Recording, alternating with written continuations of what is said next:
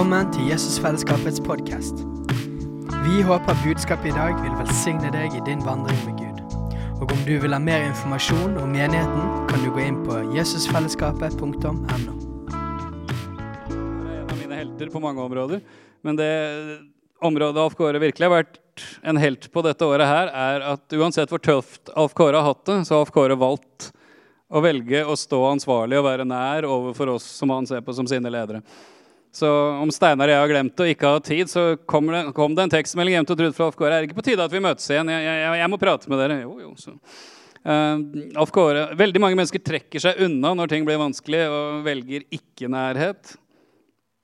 Ikke et godt valg. Fordi ting blir veldig mye større når vi slåss med det aleine, enn når vi kan gjøre det sammen. Så Alf Kåre, du er en helt på mange områder, men spesielt det har imponert meg det siste året. Ta, ta godt imot Alf Kåre.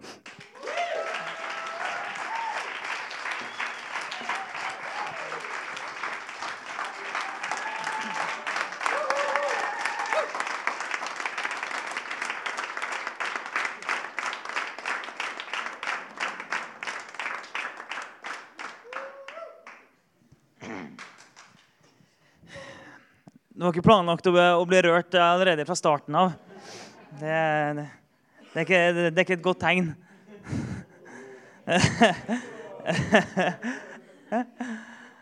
uh, ja, det er I dag blir ikke en tale hvor jeg liksom går gjennom hele min, eh, hele min historie som når jeg var sykemeldt. Uh, men jeg kommer til likevel å si noen ting av hva jeg har lært gjennom det. Og Jeg er egentlig helt sånn fascinert over min egen vandring. holdt jeg på å si. Eh, ikke fordi at jeg har vært noe flink, for det har jeg absolutt ikke vært. Men jeg er fascinert over eh, Gud. Hans evne til å um, vende ting til det gode. Hans evne til å um, ja, Hans trofasthet, rett og slett. Det interessante er at um, den siste talen jeg hadde før jeg krasja rett i veggen, det var en tale jeg kalte 'Gud er lojal og trofast'. Så gikk det to måneder, og så var jeg helt ute. og så har jeg brukt over et år på å få kjenne etter hvert at det faktisk er sant. Og det har vært en interessant vandring. Jeg har eh, aldri vært så sliten, så langt nede, så desillusjonert noen gang som eh, spesielt i begynnelsen av eh, det året. Um, og um, i januar, det var det som kulminerte, det var da jeg nådde bunnen. Og uh, jeg hadde så, jeg hadde så, så sterke ubehag. Trodde at brystet mitt skulle sprenge. Jeg lå på kne hjemme, bøyd over sofaen og vrei meg. Uh, og Sleit med å puste og full pakke. Ble sendt på sykehuset slutt bare for å sjekke. Fant ut i ettertid at det, det er visst et sånn klassisk panikkanfall. Så da har jeg fått smakt på det òg. Det trodde jeg aldri skulle smake på. Um, jeg opplevde at For første gang i mitt liv så klarte ikke jeg å lese en bok lenger. Jeg har alltid elska å lese bøker. Og plutselig så klarte jeg ikke å lese lenger, for konsentrasjonen min var helt sånn her pulverisert. En veldig, veldig merkelig opplevelse. Jeg husker spesielt en kveld jeg hadde bestemt meg nå skal jeg klare å lese. Og Så satte jeg meg ned, prøvde å lese prøvde sikkert ti ganger å lese samme side.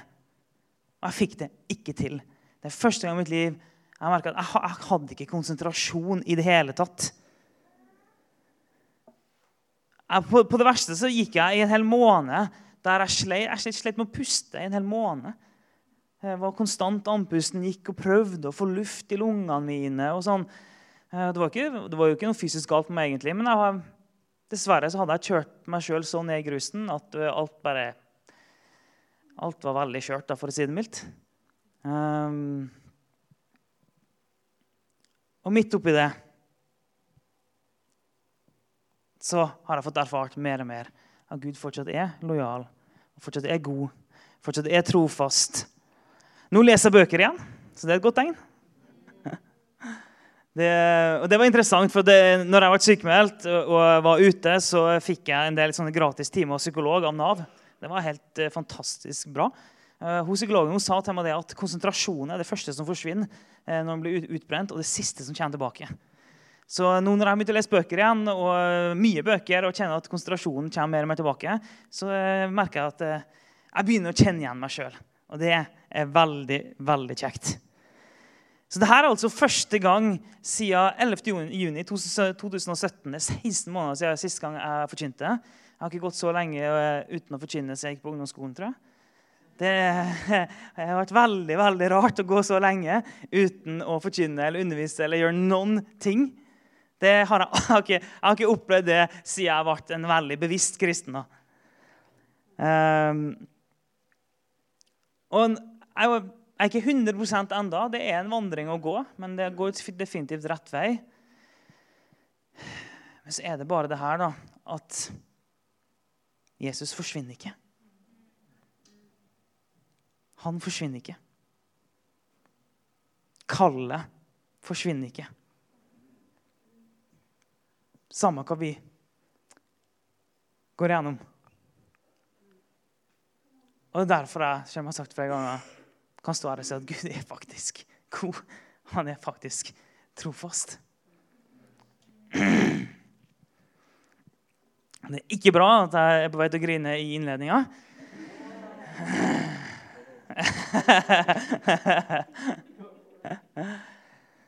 um, så nå så uh, jobber litt timesbasert. bare En oppdatering til, til, dere som ikke vet det. Jeg jobber litt, litt for Hordaland idrettskrets nå. Um, egentlig, jeg, har bare, jeg, har bare, gått til dem og sagt 'gi meg alt dere har'. Uh, og så har jeg fått litt, litt, litt, litt forskjellig. Bidra litt i integreringsarbeidet med å få innvandrerbarn inn i idretten. Og så uh, heller jeg sånn aktivitetslederkurs. Og så uh, er jeg med, involvert i noe som kalles klubbutvikling. Det er jeg vil si, å hjelpe idrettslag med, med deres organisasjonsutvikling. Hjelpe dem med utviklingsprosesser. Så det er ganske interessant. Så får håpe at det åpner nye dører. Så får vi se hva, hva Gud har for meg, for meg der. Um, jeg har lenge vært en veldig ryddig person. Jeg liker å ha orden. Uh, er det noen uh, andre her som liker orden? ja, det er jo et definisjonsspørsmål. Hva, hva mener jeg med det. Men, uh, men jeg kan stille et annet spørsmål. hvor mange her liker å gjøre husarbeid?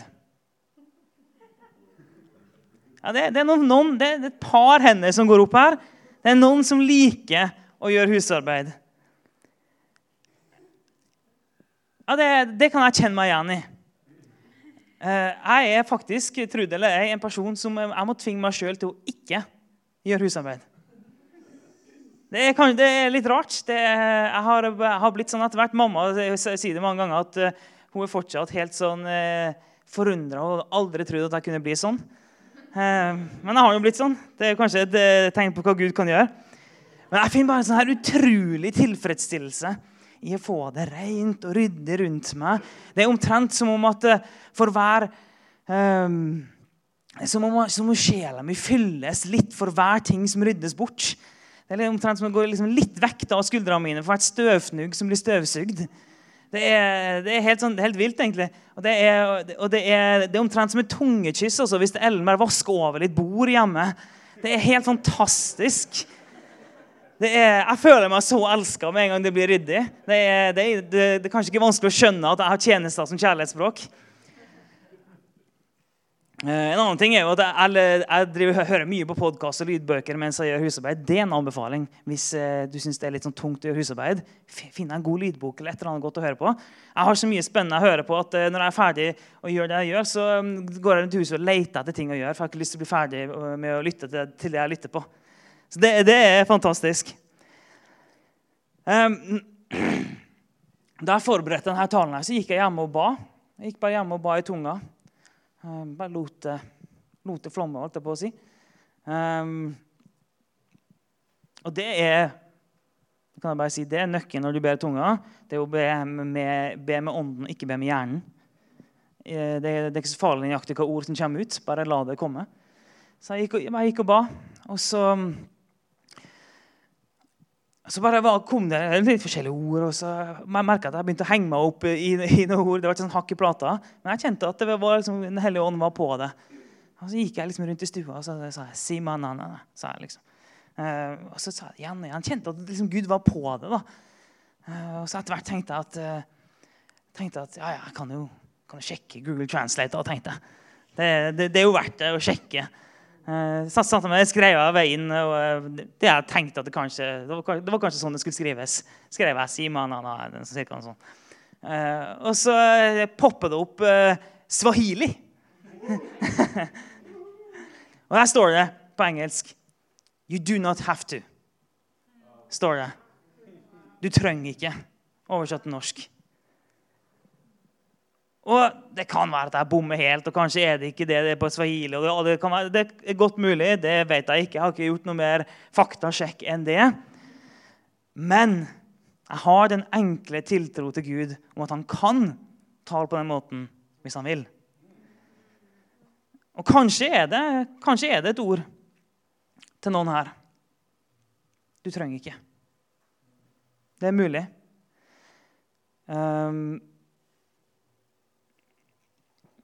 Det er jo litt, sånn, eh, litt komisk, for Jeg skal snakke om disippelskap i dag. Det handler jo litt om det vi skal gjøre.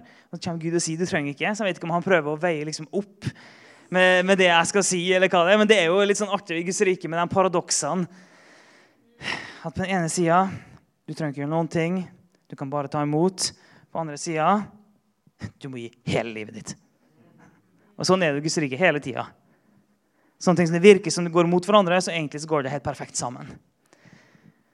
Men når Gud kan tale på eh, måter vi, vi ikke nødvendigvis forstår det, og det intellektuelt kan eh, virke litt, rart, og sånn, så må vi bare huske at som disipler av Jesus så er det ikke vår oppgave å tenke gjennom hva som er, hva som er høres mest mulig rett eller smart ut. Vår oppgave er å lytte og lyde. Det er vår oppgave. Og så får det bare være rart. Kanskje tar jeg helt feil, kanskje er det et ord til noen. Jeg vet ikke. Du trenger ikke gjøre noe, men du må gi hele livet ditt. Men det er frivillig. Har du noe, så må jeg bare slenge inn den her. Jeg vet ikke om dere har tenkt på det med ordet 'frivillig'. Hvis vi bare splitter det på midten, så får du fri, og du får villig. Kanskje jeg henger lenge etter her at alle har tenkt på det. Det er mulig.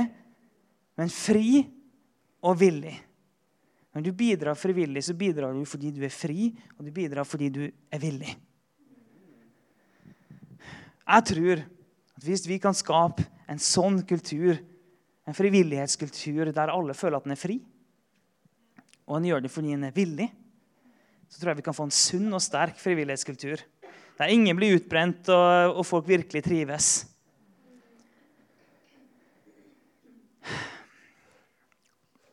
Det kristne livet er et disippelskap. Disippel, alle dere vet det, sannsynligvis, disippel betyr lærling. Det handler, om å lære av vårt mester og vårt forbilde. Paulus skriver i eh, Efeserbrevet 5.1.: Ha Gud som forbilde, dere som er hans elskede barn. Ha Gud som forbilde, dere som er hans elskede barn. Han er vårt forbilde, og det er han vi søker å bli lik. Når jeg forberedte meg og, og, ba, så opplevde jeg at jeg fikk tre ord bare sånn smekk med en gang. Og de ordene jeg opplevde jeg fikk som var liksom skjelettet for prekena i dag, er fokus, forming og frykt. Det er tre f-er. Det burde kanskje vært D for disippelskap. Men om Gud gir F, så skal han få F. Og her var det, det var tydeligvis, her er jeg så kristne at det var ikke så mange som tok den. Men er, Jeg vet ikke om det er et godt tegn eller et dårlig tegn. Men eh, det, det, jeg, så, jeg, så, noen ansiktsuttrykk som tok den. Men det er helt greit. Men det er som en, eh, en, en slags oppskrift på disippelskap at rett fokus gir rett forming, og rett forming gir rett frukt. Og Jeg skal forklare hva jeg mener med det. Frukten til en disippel, eller frukten av dette livet, er at vi blir en disippel. Og Det fører til nye disipler, og det fører til bevegelse. så kan en jo velge å legge til enda mer og si at eh, det fører til at misjonsbefalingen blir oppfylt. Det fører til at Jesus kommer igjen, og det fører til at vi kan leve lykkelig alle, alle våre dager.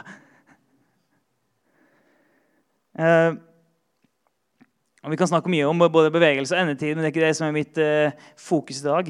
Mitt fokus i dag er fokus. Og det er det vi skal snakke om, Fordi at fokus avgjør hvor hen vi havner i livet. Vi har alle hørt om, eh, om mennesker som eh, F.eks. mennesker som vokste opp med alkoholiserte eh, foreldre. Og så eh, nærmest forbanna de foreldrene sine og sa at sånn skal jeg aldri bli. Eh, jeg skal aldri bli som min far, som gjorde det og det, f.eks. Og så får han barn sjøl, og så plutselig så ender de opp med å gjøre akkurat det samme. Det er selvfølgelig mange greier til bilder, og sånn, og det er, en, det er jo en forenkling, det jeg sier nå. Men det som er det interessante, er at de var mer opptatt av hva de ikke skulle bli, enn hva de skulle bli.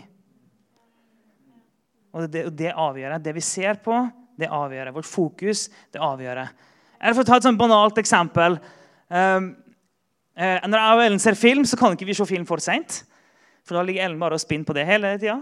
Uh, og klarer ikke å sove. Hun trenger litt tid etter vi har sett film, til å prosessere det og få det liksom gjennom hele den kverna i hodet, og så kan lande. Jeg kan legge meg ned og uh, slukne med en gang. Vi så en tolvte mann her for uh, en liten, liten, stund siden. jeg slukna med en gang. og så fikk jeg vite dagen etterpå at Ellen hadde sovet så dårlig og det var, vært så seint. For hun hadde ligget i senga og tenkt på han fyren som var nødt til å skjære av seg to tær eh, inni den hytta der. Eh, for dere som har sett filmen, fordi at eh, Han hadde fått koldbrann, så måtte bare få den tærne av før han mista hele foten. Så det lå hun og tenkte på. Og da fikk jo ikke hun sove. Jeg, tenkte sikkert bare på at å, det var godt å ligge i senga, og så sovna jeg. Eller hvis dere har kjørt bil eller og, og, fått gå, kjørt med kjørelærer, så har dere garantert fått høre akkurat det, at dere kjører dit dere ser. Hvis dere ikke har fått det, så må dere ha hatt en dårlig kjørelærer. For vi kjører dit vi ser. Det gjelder alt vi kjører. Jeg husker når jeg var på glattkjøring, og så lærte vi Vi kjørte på snø. og Så kom vi i svingen, så dro kjørelæreren i håndbrekket. Og så sa han til oss på forhånd at når jeg gjør det, se i utgangen av svingen. Ikke se i grøfta der du er redd for å krasje. liksom. Og Jeg husker første gangen. Så i grøfta, klarte ikke svingen. Prøvde på nytt igjen. Han dro håndbrekket, så i utgangen av svingen. Jeg klarte å komme meg gjennom. Jeg gjorde egentlig ingenting annet. Og Så kom vi ned og kjørte, og så plutselig kom sånne pappfigurer inn foran. Alle som har tatt lappen, har opplevd det her. Eh, første gangen så ble jeg en massemorder. Drap mange mennesker. Jeg kjørte bare inn i fullt av folk. Eh, og så sa kjørelæreren til meg ikke se på folkene, se bak folkene. Se forbi dit du skal. Og så gjorde jeg det, og da klarte jeg å kjøre liksom sikksakk-greiene forbi. Fokuset var det som avgjorde. Har vi fokus på penger, blir vi grådige. Har vi fokus på oss sjøl, blir vi egoistiske. Har vi fokus på ambisjoner, blir vi kyniske. Om vi derimot har fokus på andre, blir vi kjærlige. Om vi har fokus eh, på takknemlighet, så blir vi glade. Om vi har fokus på Jesus, så blir vi hellige. Fokuset til en disippel er på Jesus det fører til helliggjørelse. Dvs. Si bli lik Jesus, hvis det er et vanskelig ord. En sippel søker å bli som sin mester. Jesus er ikke et middel for å nå et mål. Han er målet. Og kjenn han. Vær med han og kjenn han. Det er målet. Det er vårt fokus. Kom inn til han, se på han, kjenn han, Vær med han, følg han. Det er vårt fokus. Han er aldri et middel, han er alltid målet. Og så kommer alt annet ut ifra det. Og Det siste året så har jeg jo som sagt ikke jeg har ikke leda noen ting, jeg har ikke sagt noen ting omtrent, jeg har ikke gjort noen ting, jeg har ikke, jeg håper jeg har ikke tenkt noen ting. Det har jeg gjort. Um, Det har vært veldig uvant. Jeg har aldri gjort så lite på, eh, i menighet på tolv år. Så det jeg har hatt, har vært bare meg og Jesus. Og det har ikke alltid vært sånn veldig vakkert og fint. Det må jeg innrømme. Men det har vært veldig sunt. Det har det. Det har vært veldig sunt.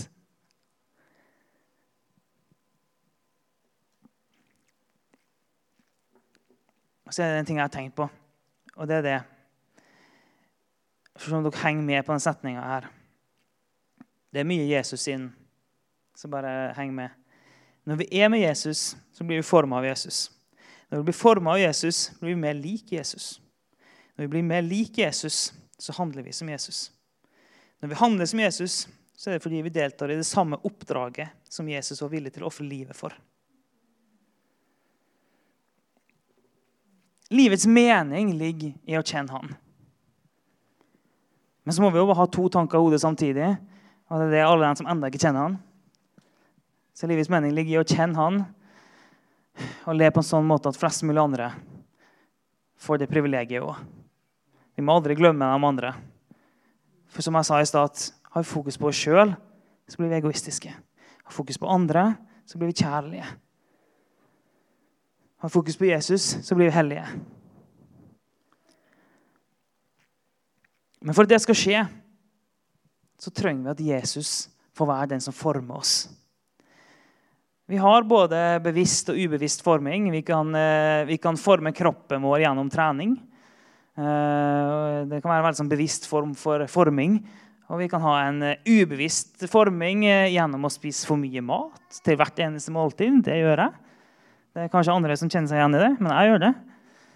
Vi kan ha en bevisst forming av vårt indre liv ved å fylle oss med Guds ord. Vi kan ha en ubevisst forming av vårt indre liv ved å fylle oss med alt mulig annet som ikke er bra for oss. Negative ting. Det kan være mye forskjellig. Men det viktige å huske på er at det skjer alltid en forming. Alltid. Det skjer alltid en forming Spørsmålet er om den er bevisst, og hvem det er som former. Det er det viktige. Hvem er det som former? For det skjer alltid en forming. Og når Jesus får, eller egentlig Uansett hvem som former, så får det alltid konkrete utslag i våre liv. Når vi ser på frukten, så kan vi se hvem er det som former mitt liv.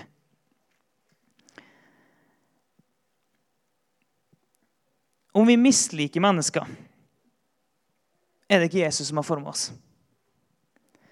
Om vi er grådige, er det ikke Jesus som har formet oss. Om vi har harde hjerter, er det ikke Jesus som har formet oss.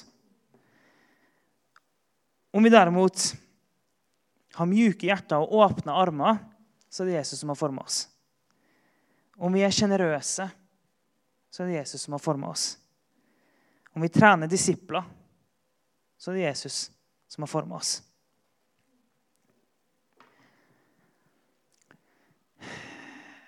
så skal jeg si en ting som kanskje kan høres rart ut for deg. Men vi kan ikke bare si ja til å bli frelst av Jesus.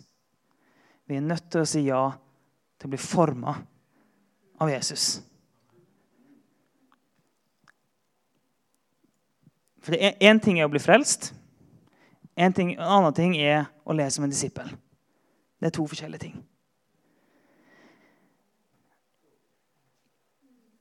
En disippel er en lærling, en disippel har en herre. En disippel er en etterfølger. Så hva vil det da si å følge? Hva vil det si å ha en herre? Og En av tingene er å følge. En av tingene er lydighet. Ikke det mest populære å snakke om, kanskje. I, uh, i vårt samfunn hvor uh, den høyeste, høyeste autoriteten ligger i det vi føler for til enhver tid det er den høyeste myndighet. Det er det som avgjør hva som er greit, og hva, hva en skal gjøre.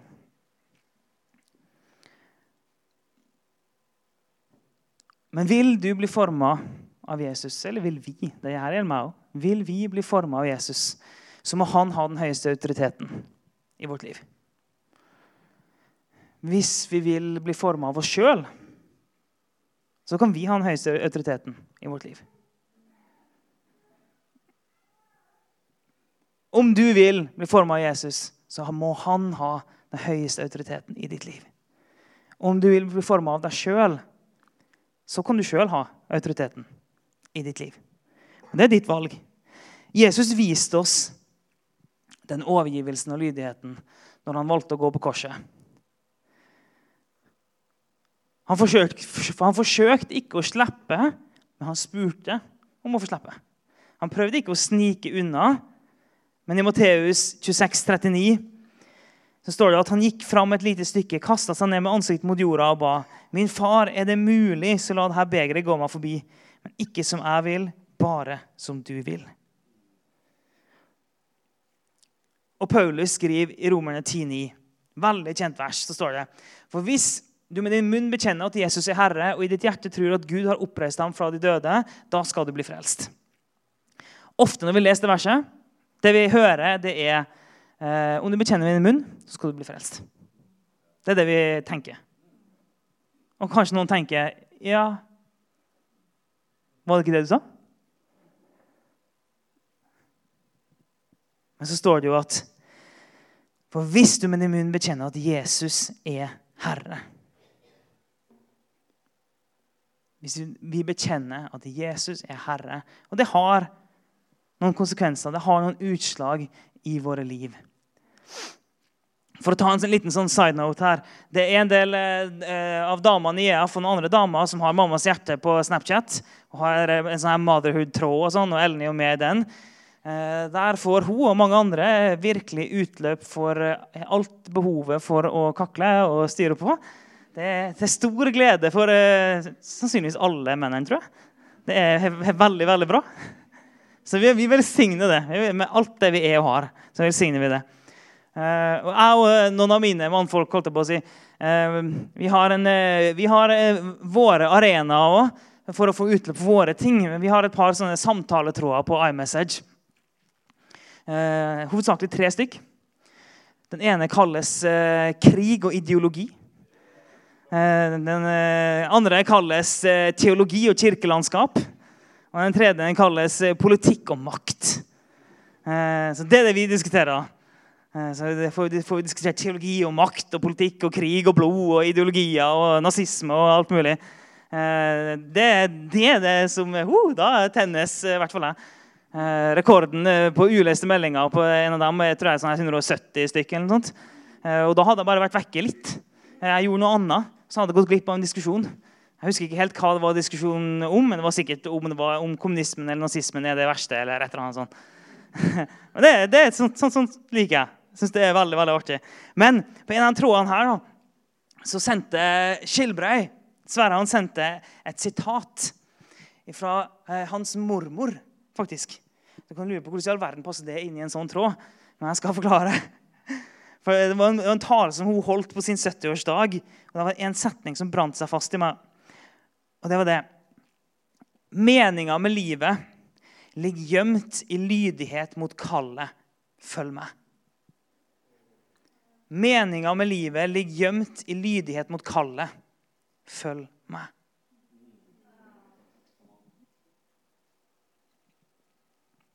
Og Det bare brant seg fast i meg. Mening, meninga med livet det ligger gjemt i lydighet mot dette kallet her når Jesus sa til sine disipler, som vi leser om i Bibelen, og som han sier til oss òg, kom og følg meg. Slipp det du har, følg meg. Meninga med livet ligger gjemt der i den lydigheten. Men vi slipper det vi har, og så følger vi. Tim Keller, jeg vet ikke om dere vet hvem det er. En uh, meget bra mann. Oppegående fyr. Han har sagt at uh, lydighet er ikke et krav for å bli en etterfølger av Jesus men det er et tegn på at vi har blitt en etterfølger. Vi trenger ikke å være lydige mot Jesus for å bli en kristen, men vi trenger lydighet til han for å vise at du har blitt en kristen. Om vi adlyder Jesus til og med ufullkomment, så er det et tegn på at vi elsker han. Noen ting som i seg sjøl er et tegn på at vi er elska av Gud. Den siste setninga. Om vi adlyder Jesus til og med ufullkomment, så er det et tegn på at vi elsker han. Noe som i seg sjøl er et tegn på at han elsker oss. Og det tar av liksom, presset. Det handler ikke om at vi, eh, vi er ikke innrullert i en hær. Jo da, det er vi jo på en måte. Jeg skulle til å si vi er ikke innrullert i en hær. Det kan vi jo definitivt si at vi er. Men eh, det handler ikke om å følge en general som gir ordre, den typen lydighet. Det er en kjærlighetslydighet. Og til og med om det er ufullkomment. Det er ikke poenget. Poenget er ikke om vi alltid får til, poenget er ikke om vi alltid gjør alt rett. Den ufullkomne lydigheten er egentlig helt utrolig vakker.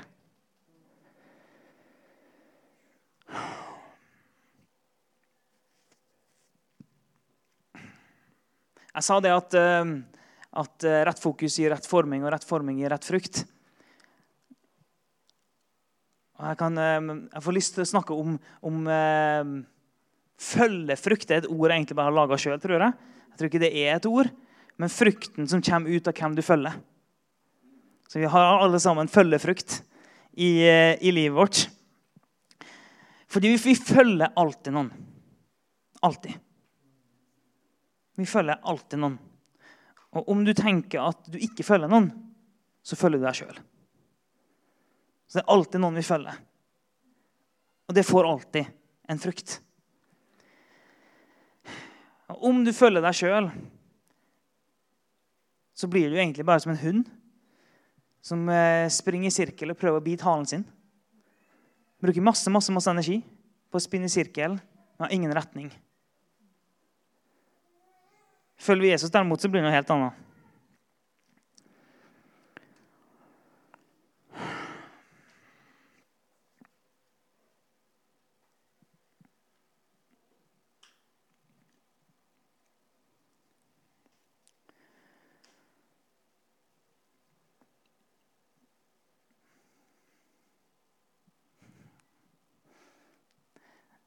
det var litt morsomt. Nå kjente jeg at jeg tenkte på ting.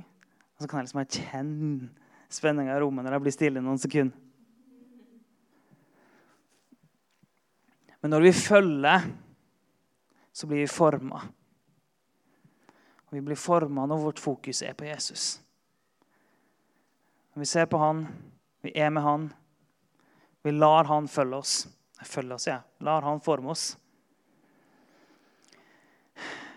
Og det er han som gjør arbeidet, og det er vi som stiller oss tilgjengelig. Du kan velge å slå opp, eller så kan du bare velge å høre på meg. Jeremia 18, eh, vers 1-6. Så står det det her ordet kom til Jeremia fra Herren. Stå opp og gå ned til pottemakens hus. Der skal jeg la deg få høre mine ord. Så gikk han ned til pottemakens hus. Han sto og arbeida ved dreieskiva. Når karene holdt på å lage av leire, ble mislykka i pottemakens hånd, laga han om til et annet kar, sånn som han syntes det var riktig. Da kom Herrens ord til meg. Israels hus, kan ikke jeg gjøre med dere sånn som eh, denne pottemaken gjør med leira? sier Herren. Se, som leira i pottemakens hånd, sånn er dere i min hånd, Israels hus.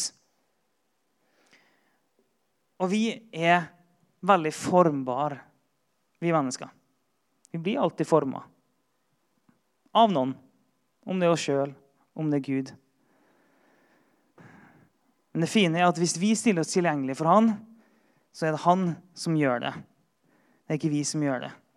Vi stiller oss tilgjengelig. Vi er bare er leire som stiller oss tilgjengelig. Vi legger oss sjøl på dreieskiva. Han er pottemakeren som gjør jobben. Så hvem som former, og hva som formes i våre liv, det ser vi på frukten av vårt liv. For alle, alle valg får konsekvenser. Alt som går inn i kroppen, det går ut.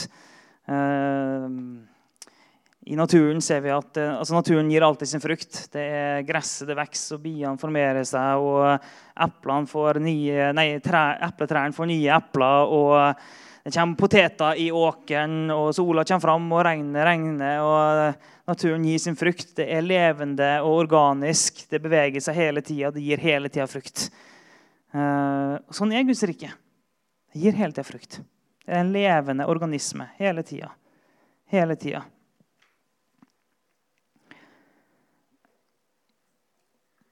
Åndens frukt kjenner vi til i Galaterne 5. 19-23. Det er klart hva slags gjerninger som kommer fra kjøttet. Hor, umoral, utskeielse, avgudsdyrkelse, trolldom, fiendskap, strid, sjalusi, sinne, selvhevdelse, stridigheter, splittelse, misunnelse, fyll, festing og mer av samme slag. Og jeg, det, jeg har sagt det før, og jeg sier det igjen. Den som driver med slikt, skal ikke arve Guds rike. Det var ikke åndens frukt. Men åndens frukt er kjærlighet, glede, fred, overbærenhet, vennlighet, godhet, trofasthet, ydmykhet og selvbeherskelse. Åndens frukt er det jo frukt i ånden. Det er først og fremst på, ikke først og fremst, det er først på innsida, og så viser det seg på utsida etterpå. Uh, hvis vi ikke har frukt på utsida, så vil, vil jeg tørre å påstå at vi ikke har så mye frukt på innsida òg. Og det er ingen anklage i det. Absolutt ikke. Det er egentlig bare en, en uh, observasjon.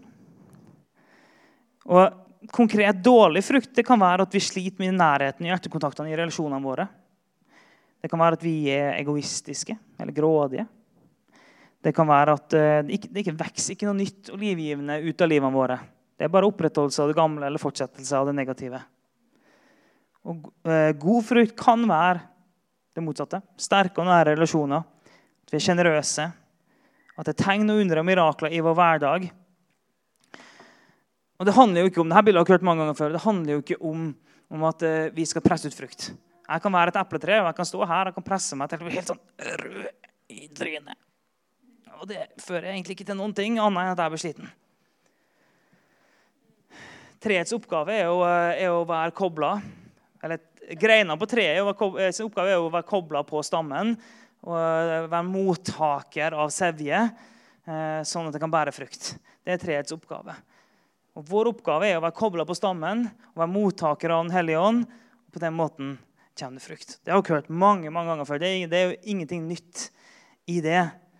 Poenget mitt er at eh, når jeg sier det her, det, vi kan ikke presse ut og skvise ut frukt. Men vi kan velge å stille oss tilgjengelig. Vi kan velge å bli forma. Vi kan velge å ha fokus på Jesus. Og om vi ikke får den frukten som vi er Eller om vi ikke er fornøyd, da. Om vi ikke har den frukten som vi ønsker i livet vårt, istedenfor å, å slå oss sjøl og jeg er dårlig kristen. Så er det heller bare en pekepinn på at vi trenger å fokusere på Jesus og la han forme oss mer og mer.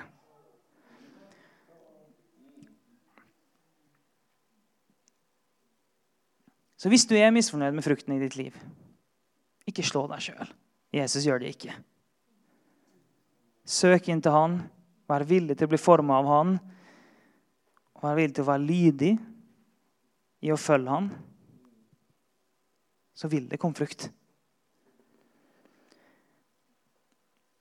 Jeg hadde ikke gode frukter i mitt liv når jeg var sykemeldt. Verken på innsida eller utsida. Um, opplevelsen var egentlig at uh, jeg krasja. Og um, Jeg var ikke en flink kristen i det hele tatt. Jeg nærma meg ikke Gud. Det eneste jeg gjorde, egentlig, var at jeg ikke forlot Gud. Eh, jeg gjorde egentlig ingenting annet. Så det var det han som valgte å nærme seg. Jeg var, jeg var bare så sliten og så nedkjørt at jeg lå egentlig bare der jeg hadde krasja. Det var egentlig det eneste jeg gjorde. Jeg bare lå der.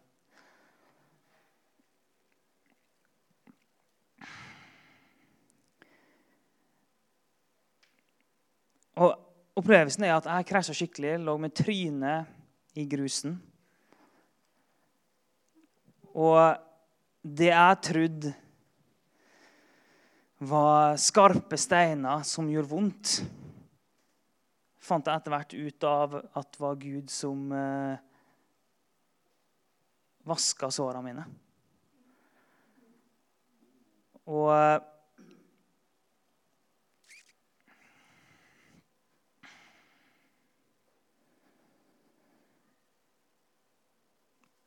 Og jeg lå i den grusen, trodde jeg. Men jeg oppdaga etter hvert at jeg lå i Guds hånd. Jeg trodde at jeg var utslitt og utbrent. Og så oppdaga jeg at jeg egentlig bare ble vaska og fikk mat. Og jeg klarte ikke helt å se hvordan alle disse bitene som var spredt utover etter eh, et krasj i en fjellvegg, eh, hvordan de bitene skulle komme sammen igjen. Jeg klarte ikke å se det. Men etter hvert så fikk jeg oppleve at det var bare Gud som hadde brutt opp puslespillet litt og satt det sammen til et mer riktig bilde. Jeg har ikke gjort noe annet egentlig enn å bare bli liggende og ikke bevege meg. Og gradvis så kom, ble fokuset mitt mer på han istedenfor meg sjøl. Gradvis så ble jeg mer og mer villig til å la han forme meg. Og gradvis så har det kommet mer med frukt ut av det, som har gjort at jeg opplever at jeg blir stadig bedre og bedre og kjenner igjen meg sjøl mer og mer og kan stå her i dag. Disippelskap handler om etterfølgelse av Jesus, men handler enda mer om Jesu etterfølgelse av oss. Vi etterfølger, men Jesus etterjager. I 1. Johannes 4,19 så står det at vi elsker fordi han elsker oss først. Det er det som er vårt fundament i vår etterfølgelse, i vårt disippelskap. Det er det som er vårt fokus.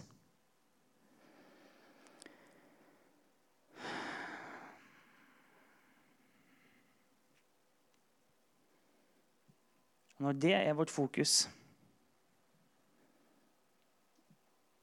og vi er villige til å bli forma, vi er villige til å følge, så kan vi få den frukten som vi lengter etter. Og Han begynte med å si at frukten er at vi, vi blir disipler som fører til nye disipler, som fører til, til bevegelse. Det har jeg virkelig trua på. At uh, det som begynner smått som et sennepsfrø, blir som et stort tre. Det som uh, begynner som en mini-surdeig, det påvirker hele vår verden. Og tenk om vi kan bli en gjeng med mennesker som eh, virkelig er disipler, som følger Jesus, og som gjør nye disipler. Som gjør nye disipler, som gjør nye disipler, som gjør nye disipler.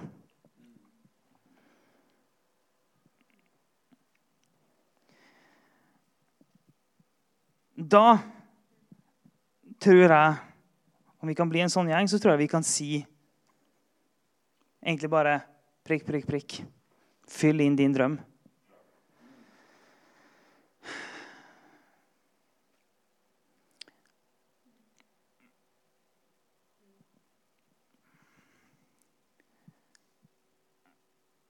Og det, kristne livet, det, det er denne rare blandingen av ting vi ikke trenger å gjøre, og ting vi trenger å gjøre. Det kan høres så rart ut. Jeg, jeg sa jo i innledninga at Muligens sa jeg det på swahili. Jeg vet ikke. At du trenger ikke gjøre noe. Og det er sant. Du kan bare være med Jesus. La han forme deg. La han fylle deg. Og Samtidig så er det et aspekt med å velge å bli, være villig til å bli forma og velge å lyde og velge å følge. Og Jeg tror oppriktig at det er helt umulig å virkelig få frukt i våre liv uten begge deler. Så jeg har lyst til å bare stille et par spørsmål som du kan eller ikke kan. Opp til deg. Tenke på. Hva kan du gjøre i dag i din daglige rutine for å justere fokuset ditt? Tenk igjennom er du villig til å følge og er du villig til å bli forma. Hva trenger du for å gjøre endringer i livet ditt? Og sist, men ikke minst hvem kan du gjøre det sammen med? Det kan du velge å ta med deg, eller du kan velge å ikke gjøre det. Det er helt opp til deg. Jeg tror det blir mer frukt hvis du gjør det. Ikke for deg nå er jeg ekspert i hele tatt. Jeg bare opplevde at jeg fikk et ord fra Gud. Det er min opplevelse. Um, og Gud er trofast. Jeg har ikke noe veldig mye bedre måte å avslutte på enn det. Gud er lojal og trofast, som var det siste jeg forkynte om her for 16 måneder siden. Han er fortsatt lojal og trofast. Det er mitt ord til dere i dag. Amen.